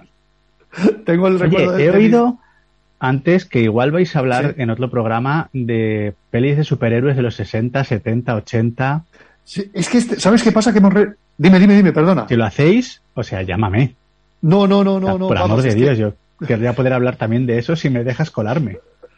No, como que si te dejo colarte. Es que fíjate que, que es una entrevista de, de los primeros, cuando éramos, en- éramos una sección en la fábrica de, las, de la ciencia. Y bueno, eh, no sé si lo conocerás a Pedro López. Me he leído alguno de Y- sus libros. Tengo alguno aquí, de hecho.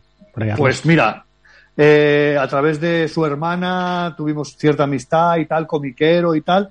Y ya te digo, esto es del 2015 y, y bueno, me supo muy mal que a través de Facebook que se ve que de- dejaba el tema de, de, de, la de escribir y tal. Lo entiendo, Y- lo, lo entiendo perfectamente. Y, he- y hoy he decidido recuperar una entrevista haciéndole un pequeño homenaje, vaya. Y demás.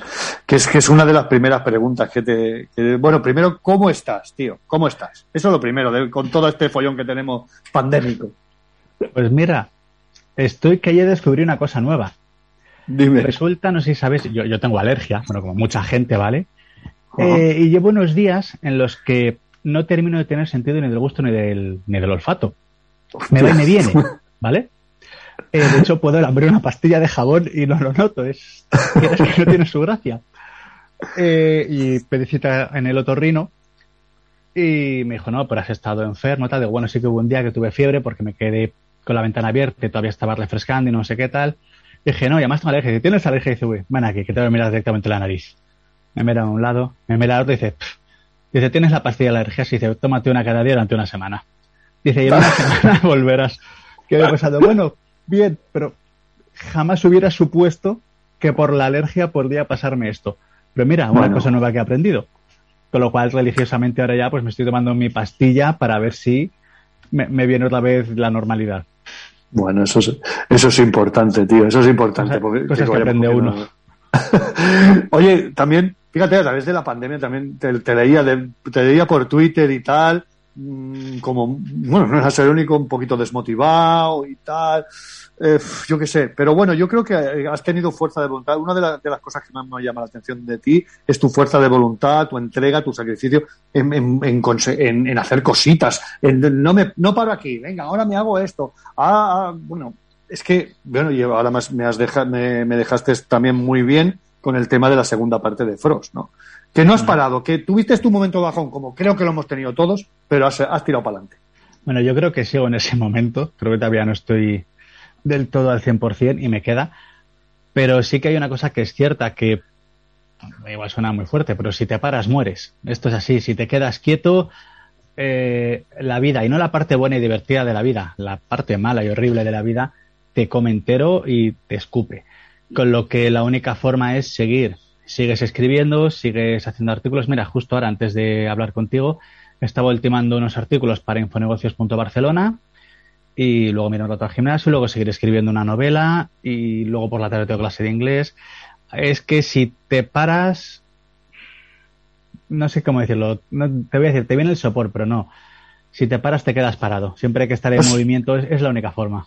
Sí, sí, sí, te tengo la razón. No sé en qué película de zombies. Hay una película de zombies que, que- que- sí, que dicen todos, nos vamos a quedar aquí en, un- eh, en una especie de, de- de refugio y tal. Y salta uno, eh, creo que le- fue la de Brad Pitt, en Guerra Mundial Z, y dice, dice, el movimiento es vida.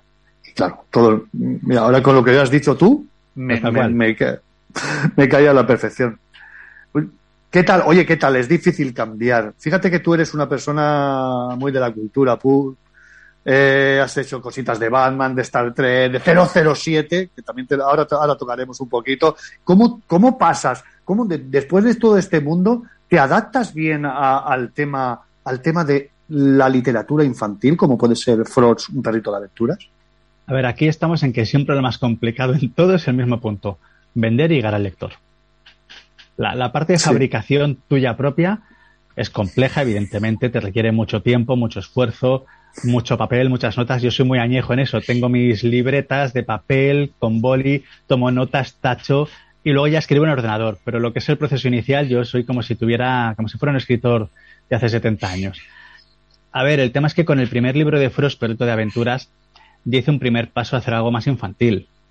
Y llevo desde entonces con idea de hacer algo más y e ir metiendo más cabeza en narrativa. A mí me gusta mucho porque los libros de cultura pop, tanto el de Batman dentro de la Batcueva o el que has dicho de Gisbon de Espía Icono, libros que he disfrutado mucho haciendo, evidentemente. Me lo he pasado muy bien, son temas que me gustan. Algunos jamás pensé que iba a escribir de ellos hasta que me los propusieron. Otros, pues como el de Celuloide y Seda, fueron idea mía con todo mi fetichismo por el mundo del cine y del estilo, pues todo junto pero nunca he dejado de escribir narrativa. De hecho, de lo primero que publiqué fue en un libro coral con un grupo de autores de Valladolid que nos llamábamos los perros del coloquio. Y como el, el coloquio de los perros, pues nos parecía súper ingenioso, eh, sacamos un libro coral sobre historias de amor. Y lo primero que yo publiqué fue en ese libro y en otro par de folletitos que hicimos para la Feria de Valladolid. Y luego eh, fui metiéndome más al tema pues de, de cultura pop, pero nunca lo he dejado. He escrito relatos, algunos los he ido publicando online y me interesa mucho el tema de narrativa. De hecho, en el próximo libro que saco con Redbook, que se llamará, creo que se llama Viajes en el Tiempo, tal cual. ¡Ostras! ¡Ostras! Yo ofrecí un título, pero se lo quisieron ellos. Yo yo sugerí el título de Surcos Temporales y ellos prefirieron uno más, más normal. que era Viajes en el Tiempo, que bueno, como el libro va de viajes en el tiempo, pues fue, bueno, pues bien, cambio aceptado, claro, no, no hay discusión. Y en ese libro, antes de cada película de las diferentes pelis de las que hablo, hay un pequeño relato mío, porque me lo pedía el libro, me apetecía, y después de tanto tiempo tan encerrado con temas de cultura pop, es que me hace falta. Simplemente es un. me hacía falta. De hecho, durante esta pandemia, para que te hagas idea, he terminado este libro de Red Book. Otro para Dolmen, que veremos qué pasa, que es un día te lo cuento con un café. Eh, Vale. La segunda parte de una, de, de una trilogía de novelas, que estoy empezando la tercera. El libro de Frost, que dos, eh, Frost Aventuras, el secuestro espacial, que he terminado de retocarlo. Otro libro que sería una aventura pulp de un sacerdote cazademonios, que está también ahí a ver, entregado en editorial a ver qué pasa con él. Y todo eso durante la pandemia, más lo que he seguido haciendo de artículos. Lo decía, es que no se puede parar. Si paras, estás muerto. Correcto, tío. Correcto. Oye, eh, para, para hacer Frost un perrito de aventuras, eh, ¿te has influido en personajes de tu niñez? De, de cómics, de series de televisión, pero me refiero más a de animación, ¿no? ¿Te has, te, influido en alguno de ellos? A ver, la primera influencia, sin duda alguna, sería el, el- el propio Frost, que es el perrito que adoptamos cuando tenía 14 años, vivía hasta los 16, que fue por el que escribí el primer volumen. Ahora, en este, secuestro espacial, conscientemente, no, no me he inspirado en, en nada. Lo digo de forma consciente. Claro, luego, a la hora de ver el libro y, por ejemplo, cuando está preparando las ilustraciones, hay un momento dado en el que viajan por el tiempo y dibujé a Frost, Aventuras, y al ingenioso Doctor Gato, que es su rival y su aliado en este libro, eh, atravesando las barreras del tiempo y sin pensarlo hice como una especie de círculo debajo a dos colores que me di cuenta que estaba haciendo un poquito el, el diseño de del círculo de viaje en el tiempo de Austin Powers, que a su vez es una referencia a las series. Hay cosas que se te cuelan, quieras o no. Sí que hay un momento en el que, esto sí que fue premeditado desde el principio, se cruzan con un pirata, con el pirata Barba Negra, todo lo- el legendario pirata de los mares, que yo no lo digo exactamente en el libro, pero si tú que lees cómics te lees mi libro, vas a darte cuenta de que realmente es la cosa cuando viaja atrás en el tiempo, solo que aquí se ha quedado siendo el pirata Barba Negra. Ostras, ostras. Porque hay un momento, pues, el dibujo que he hecho de él bebe mucho del de Kirby, comento pues que tiene la piel como si tuviera una especie de erupción y el color como más anaranjado que de eso que es un no te estoy diciendo nada, no te estoy diciendo que no es él. Puede ser que sea barba negra. Sí, sí, Luego, sí. claro, pero hay detallitos de y se me han colado. Lo que sí supongo que me ha influido porque no es que lo leyera de pequeño, lo descubrí más, más como adulto, sobre todo, es Roald Dahl. Es un autor que me encanta, me chifla. To- todo lo que hace es, bueno, todo lo que hacía, porque falleció, era maravilloso. Te lees Matilda y ah, es increíble. Te lees La fábrica de chocolate y dices, yo quiero eso. Cada vez que me lo leo pienso cuando fui pequeño y fui a una fábrica de chuches y era esto es ni parecido. Yo vi una fábrica con señoras y, redecillas en el pelo, no había canciones ni nada. Y es un autor que me gusta muchísimo y para mí es el, la quinta esencia de lo que debía ser un autor infantil, con lecturas también para adultos. Y no sé si me ha influido o no, pero que es un autor que siempre tengo muy presente cuando he escrito a Frost, eso te lo digo de ya. Sí, todos hemos querido ser Charlie en la fábrica de chocolate Sí, alguna sí, vez. es que, cómo no. Yo, yo realmente, de un tiempo a esta parte, quiero ser más Willy Wonka que Charlie. Lo que no sé si es bueno o malo, pero No, no, no, no, no. Todos tenemos nuestro Willy Wonka eh, un poquito dentro, ¿no? Ese, ese ser ahí eh, ermitaño y. ¿no? Sí, sí, no, no, no, no. Oye, es, es una, es una comparativa y una, un punto de inflexión tremendo, vaya. Genial. Oye, eh, para los que com- se- nos compremos el, el Frost en la segunda parte, un perrito de aven- eh, perdona, eh, el secuestro espacial. Sin haber leído la, el, segun- el primero, ¿podemos engancharnos ahí? Sí, de hecho, desde que se escribió el primero, luego publiqué varios relatos online que tengo pendiente recoger, retocar y subir a Amazon. Pero sí, el que se meta en Amazon y se compre este Frost Perdido de Aventuras, el secuestro espacial, tiene toda la información que necesita dentro del propio libro. Hay algún detalle, algún comentario que se hace de, de aventuras anteriores, pero es algo muy sucinto que si no te has leído el primer libro los relatos da un poquito igual, no, no interfiere. He intentado a mí es que me parece muy importante. Cuando tú escribes un libro o, o haces una película o cualquier producto de consumo, ese producto tiene que funcionar por sí mismo. No tiene que hacerte falta haberte leído los 14 libros anteriores o verte las tres películas anteriores. O sea, a mí me pasó viendo la de. Creo que fue la última de Harry Potter. Creo que me las he visto todas, así que si no fue la última, fue una de las intermedias, porque no lo tengo del todo claro si me las he visto todas. Y Pero que ya. sí que. y además que nunca fui fan de los libros. Y te- tengo todo como súper difuso. Más allá que se me recuerda mucho a Tim Hunter. Bueno, estaba viendo la película con una compañera en la facultad, o sea, hace ya un huevo de años. Y me acuerdo que hubo tres o cuatro cosas relevantes que yo no entendía. Ya no es que esto, claro, en la película anterior, o las anteriores, no ha salido y se explicaban los libros. Yo, claro, pero esto es una película. Esta película me tendrá que dar toda la información suficiente para que yo como público pueda entenderla. O sea, al menos los puntos importantes, evidentemente, si hay detallitos que dependen de otras anteriores, bueno, pues ya está. Pero si es un punto importante para que yo lo entienda. Y yo con el libro de Frost, el secuestro espacial, lo tenía claro. La gente que se coja este libro tiene que poder entender este libro. Por eso es una aventura propia, aparece el Doctor Gato, se presenta el villano Tony Tocino, se explica por qué los secuestra, se explica su aventura, sus relaciones, se ve cómo funcionan entre ellos, para que tú cuando lo leas disfrutes, te lo pases bien y no pienses, ay, me faltan cosas. Eso no va a pasar. espero, espero Ahora- que eso no pase más bien. Ahora que has, has mencionado al malvado, me ha encantado, me encantó la frase de, y, y estoy muy mucho con él, ¿no? Eh, Con Ricardo Peregrina, ¿no? Dice, un villano que, como- tú lees que empiezas a leer la novela y un villano que se llama Tony Tocino, dices, estoy con él, estoy con él. me encantó esa frase de, de Ricardo, vaya.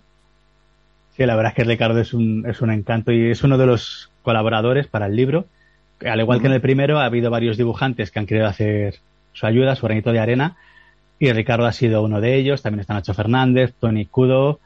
En Timan, por supuesto, si estoy yo, en ti siempre va a estar. Somos, es, es inseparable para mí. Y reconozco que la ilustración que ha hecho Peregrina, que ha hecho Ricardo, es, buah, es preciosa decir basta, es, es, es una maravilla.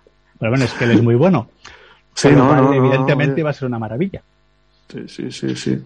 Oye, es, eh, el libro es de aquellos. Yo es que he sido mucho de, de leer a mis hijos por la noche antes de irse a dormir, después de haber hecho los deberes, de hacer ese relax, ese punto, ese punto, esa conexión entre padres eh, e hijos, ¿no? De, de leer un cuento por la noche. Ese eh, Frost es ese tipo. Yo creo que sí, al menos mi intención es que sea un libro que se pueda compartir entre padres e hijos. Que un niño por su cuenta, un niño de unos 7, 8 se lo pueda leer tranquilamente, pero que sea algo que tú como padre también te puedas leer y disfrutar.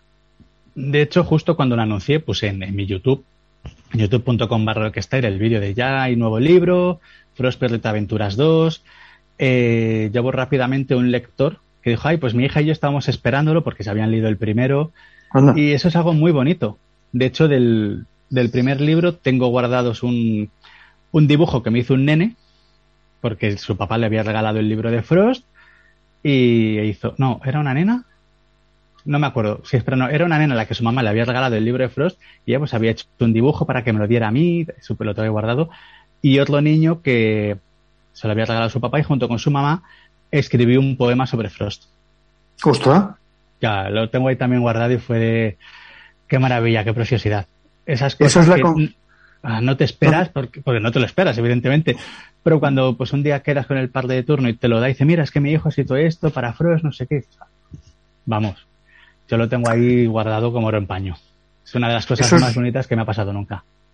Eso es la complicidad de leer por la noche entre padre e hijo. Yo creo que eso lo crea ese, ese momento. Yo creo que sí que lo, lo, lo crea. Yo se lo regalé a mi sobrino, a Alex, que es muy amante de los perros. Lo que pasa es que, claro, se lo regalé, que es una de las cosas, se lo regalé con ocho años y le encantó. No sé, claro, ahora ya tiene, ahora ya tiene 10, 10, 11. Mm, des- Yo le regalaré el segundo, le regalaré el segundo para, para, a ver, espero que, espero que le enganche, igual que le enganchó al primero. A ver, Si le enganchó el primero, este es más aventurero, más dinámico, es más.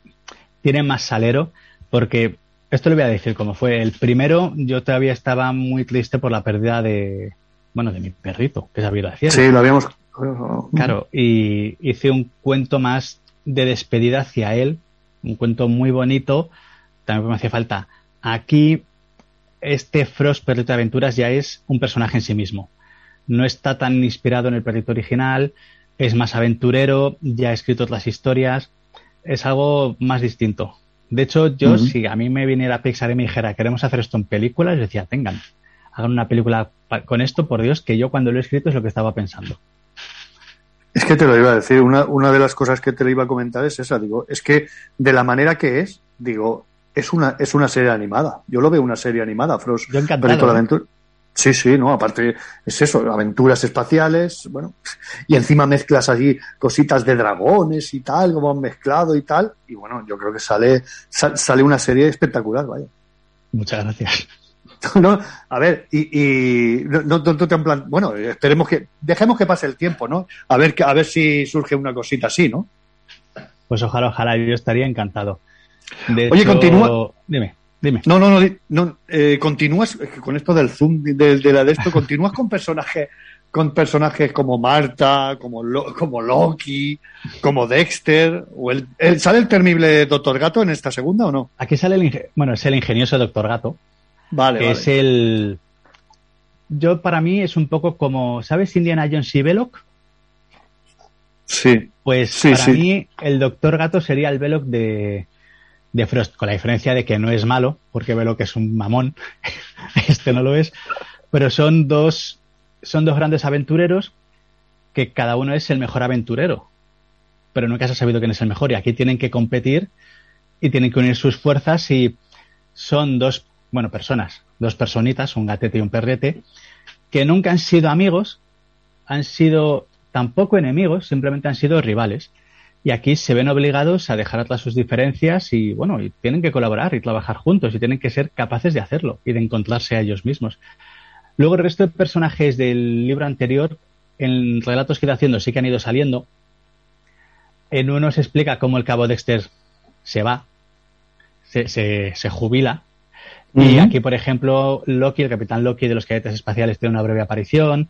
Sí que se menciona a Marta, la mustélida, pero aquí ya es ha ido más por la aventura pura y dura. Sí que en siguientes historias y cosas que se están preparando, bueno, que veremos a ver si salen, eh, sí que quiero ir recuperando otros personajes, meter nuevos, pero bueno, para mí Frost Protector de Aventuras es algo en crecimiento, es algo que está realmente empezando, con lo que iremos viendo hacia dónde va el tema. Eso está, eso está, eso está bien.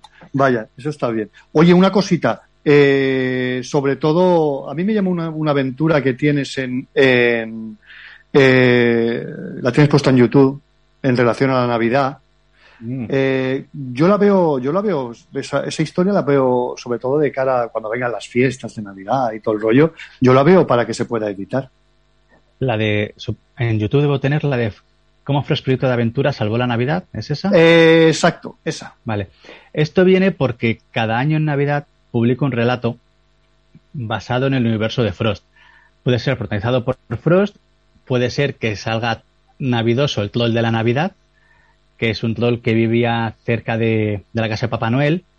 Para que tengas idea, Villa Troll está tan cerca del Polo Norte que Papá Noel siempre se lo pasa de largo, porque claro, sale desde el Polo Norte, va y se quedan sin Navidad. Así que este troll se ofreció a ayudar a Papá Noel y se convirtió en navidoso el troll de la Navidad. Y en una historia se cruza con, con Frost, se hacen amigos. En esta que dices de YouTube colaboran. Y de hecho hago eso. Cada año en Navidades escribo un relato sobre Frost. Hay uno sobre su infancia, en la que está en la granja de su abuelo y están secuestrando a los niños y se enfrenta al mismísimo Krampus, que es uno es un demonio de la Navidad, por así decirlo, para el que no conozca la tradición. Y bueno, aparece el Parle de Frost, que es un es- Y todos los años intento por esas fechas. El último, el de este año, fue Mundos sin Navidad, en el que a Frost le llaman para decirle, oye, que hay en varios mundos que no está viendo la Navidad. Y él, pues lógicamente, ¿qué hace? Va a buscar al Grinch a ver si lo ha robado él. Y bueno, y luego se explica qué sucede, que no, en el Grinch, no, el Grinch ya era bueno, pobrecito. Y sí, cada Navidad intento hacer un relato nuevo con ello. Oye, pues es, es, es para hacer una recopilación de, de estos relatos, sobre todo de cara a la Navidad. Yo le veo una. un- vamos. La idea está ahí. En cuanto, de Bueno. hecho, es lo que quiero hacer en cuanto termine el verano, recopilar todos esos relatos, retocarlos y subirlos. Además quiero hacerles Ujú. las ilustraciones, prepararlos con cuidado, lo cual quieras que no lleva tiempo. Hay, con la primera entrega creo recordar que hiciste algo con Arca de Noé. ¿Con esta segunda entrega va, va a haber alguna historia con ellos o, o reserváis para otra, para otra entrega? Pues ahora mismo, como esta entrega es... eh, Esto es un experimento. Porque el libro está escrito, solo se puede conseguir a través de Amazon, es publicación bajo demanda, tú lo pides y Amazon te lo manda a tu casa, en tapa, tapa blanda, portada a color, buena impresión, lo hacen todos ellos, con lo cual es un poco un experimento. Con lo que he preferido ir sin molestar a nadie, sin cons- eh, lo he hecho yo y si funciona el siguiente, ya me plantearé a ver qué se hace o si hago una protectora que. Pero como este ha sido muy de. Vamos a probar la vía de Amazon, vamos a salir del circuito de las editoriales, vamos a buscar otras formas de funcionar, es todo como muy. Bueno, muy ahora mismo de empirismo. Prueba a ver qué pasa y según vaya pasando, pues iremos viendo y haciendo. Vale, vale, perfecto. Perfecto. Ahora has dicho lo de Amazon. Vais, eh, que de momento nada más que se puede comprar por Amazon. ¿Vais a hacer alguna historia eh, de presentación y demás? ¿O de momento lo vais a hacer? Claro, como está el tema ahora de salones y de presentaciones, todo tan restrictido, no, no sé si vais a hacer alguna cosita. A ver, sí que estaba.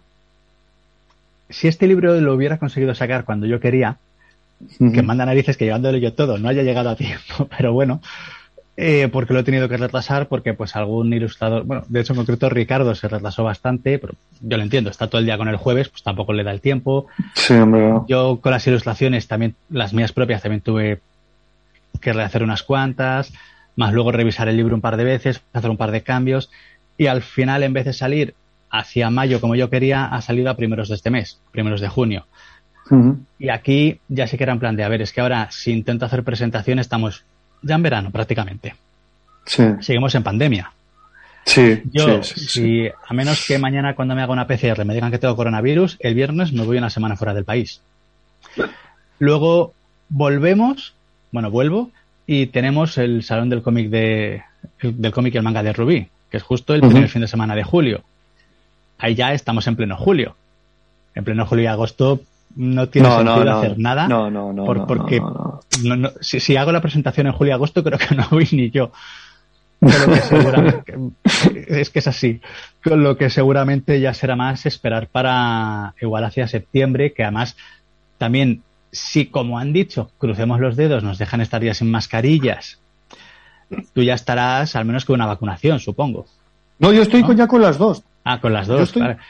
A mí todavía ni me han llamado, ni a mi pareja tampoco, con lo cual es todo un poco de que se pueden hacer cosas. Pero hay tanta complicación alrededor, ¿sabes? que es como...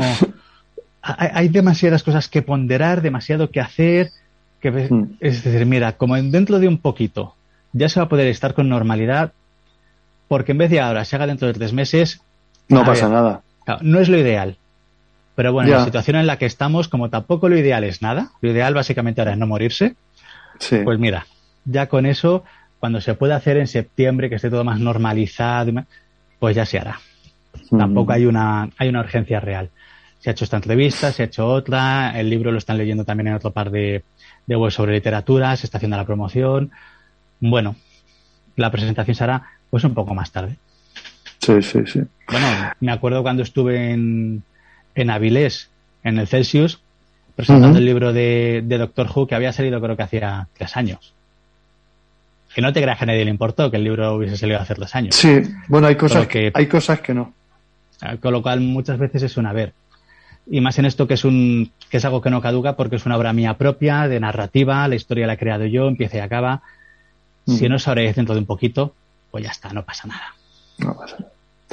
Oye, te tengo que preguntar obligatoriamente, eh, ¿qué esperas de la última entrega de, de- de lo que nos vendrá de Bond? De lo- la última de Daniel Craig. Yo sigo flipado con que haya una última de Daniel Craig, porque la de Spectra, para mí ya cerraba todo. O sea, la etapa de. Craig, tú ves esa película y dices, Sí. ya está, ya está cerrado. Además, él dijo que él no quería, que quería dedicarse a estar con Base, con su mujer tranquilito, que ya tenía más de 50, que estaba cansado. Claro, Supongo que lo de que soltaren- le soltaran 50 millones por la película y estas cosas pues te deben animar, decir, bueno, todo influye, todo influye. Tengo muchas ganas de verla, solo que mm, a ver cómo lo hacen por eso, porque supone que este ya, ya ha terminado su ciclo. Sí que los rumores apuntan y parece eh, más o menos oficial que va a haber una nueva 007, que, es la sustituta de, de Daniel Craig, de James Bond, y yo supongo que asumo que a él le llamarán porque será un caso muy grande que no puedan resolver. Pero claro, hablamos de que esta historia tiene que empezar y acabar. No puede haber visos de que continuará de ninguna forma. Veremos, tengo muchas ganas, tengo mucha curiosidad y sobre todo para, sa- para saber cómo acaba y qué verla después. ¿Quién será el nuevo James Bond? ¿Habrá más películas? Ahora que lo compra Amazon, volveremos a verlo en cine. ¿Será solo por Amazon Prime? He leído por ahí un rumor que dice que parece que Amazon, que ahora ha comprado MGM, pretende hacer a Bond más de ciencia ficción. Yo pensé en Moonraker y dije, por Dios, espero que no. A mí me gustó Monraker, ¿eh? A mí me gustó porque este Roger Moore es mi Bond favorito, pero a ver, Ah, el mío también. Ahí estamos de acuerdo, ¿eh? que Moonraker no es una gran película, pues hombre, también hay que decirlo. Sí, pero te lo, me lo pas- te lo pasas divertido con ella. Es, es, es un divertimento total, vaya. Quiero recordar que fue la primera aparición de, de Tiburón. No lo sé, ¿eh? ahora te me pondrías en la duda. Sí. O Digo sí, puede que sí. también- Bueno, parece mentira que haya escrito el libro, pero como tengo memoria pez, no recuerdo prácticamente nunca nada de nada, ni nombres. Cada vez que hago libros de cultura pop, dijera la cantidad de veces que consulto los datos más tontos, porque tengo memoria y con Frost igual, consultando, tengo mis notas y tengo que estar cada dos por tres. ¿Era ingenioso Doctor Gato o intrépido? No, espera, a ver cómo era. Intrépido. No, espera, no, intrépido es Frost. Ah, con lo cual es inge- ingenioso, sí. Página siguiente. ¿Cómo era? Espera a ver. Vuelvo a ver, ah, sí, miro la nota. Para esas cosas soy terrible. Tengo una memoria, soy como, como Dory. Ujú. Hasta tú. Oye, yo recomiendo mucho, se lo recomiendo mucho a, mis amigos, ¿no? Cuando a lo mejor muchos me dicen, hostia, tal, es que el cómic este o tal, que para regalar, que no son muy comiqueros, son, mu- son muy de libros. Digo, entran en, el canal de Doc Pastor, ahí vais a encontrar de todo, de series, de todo.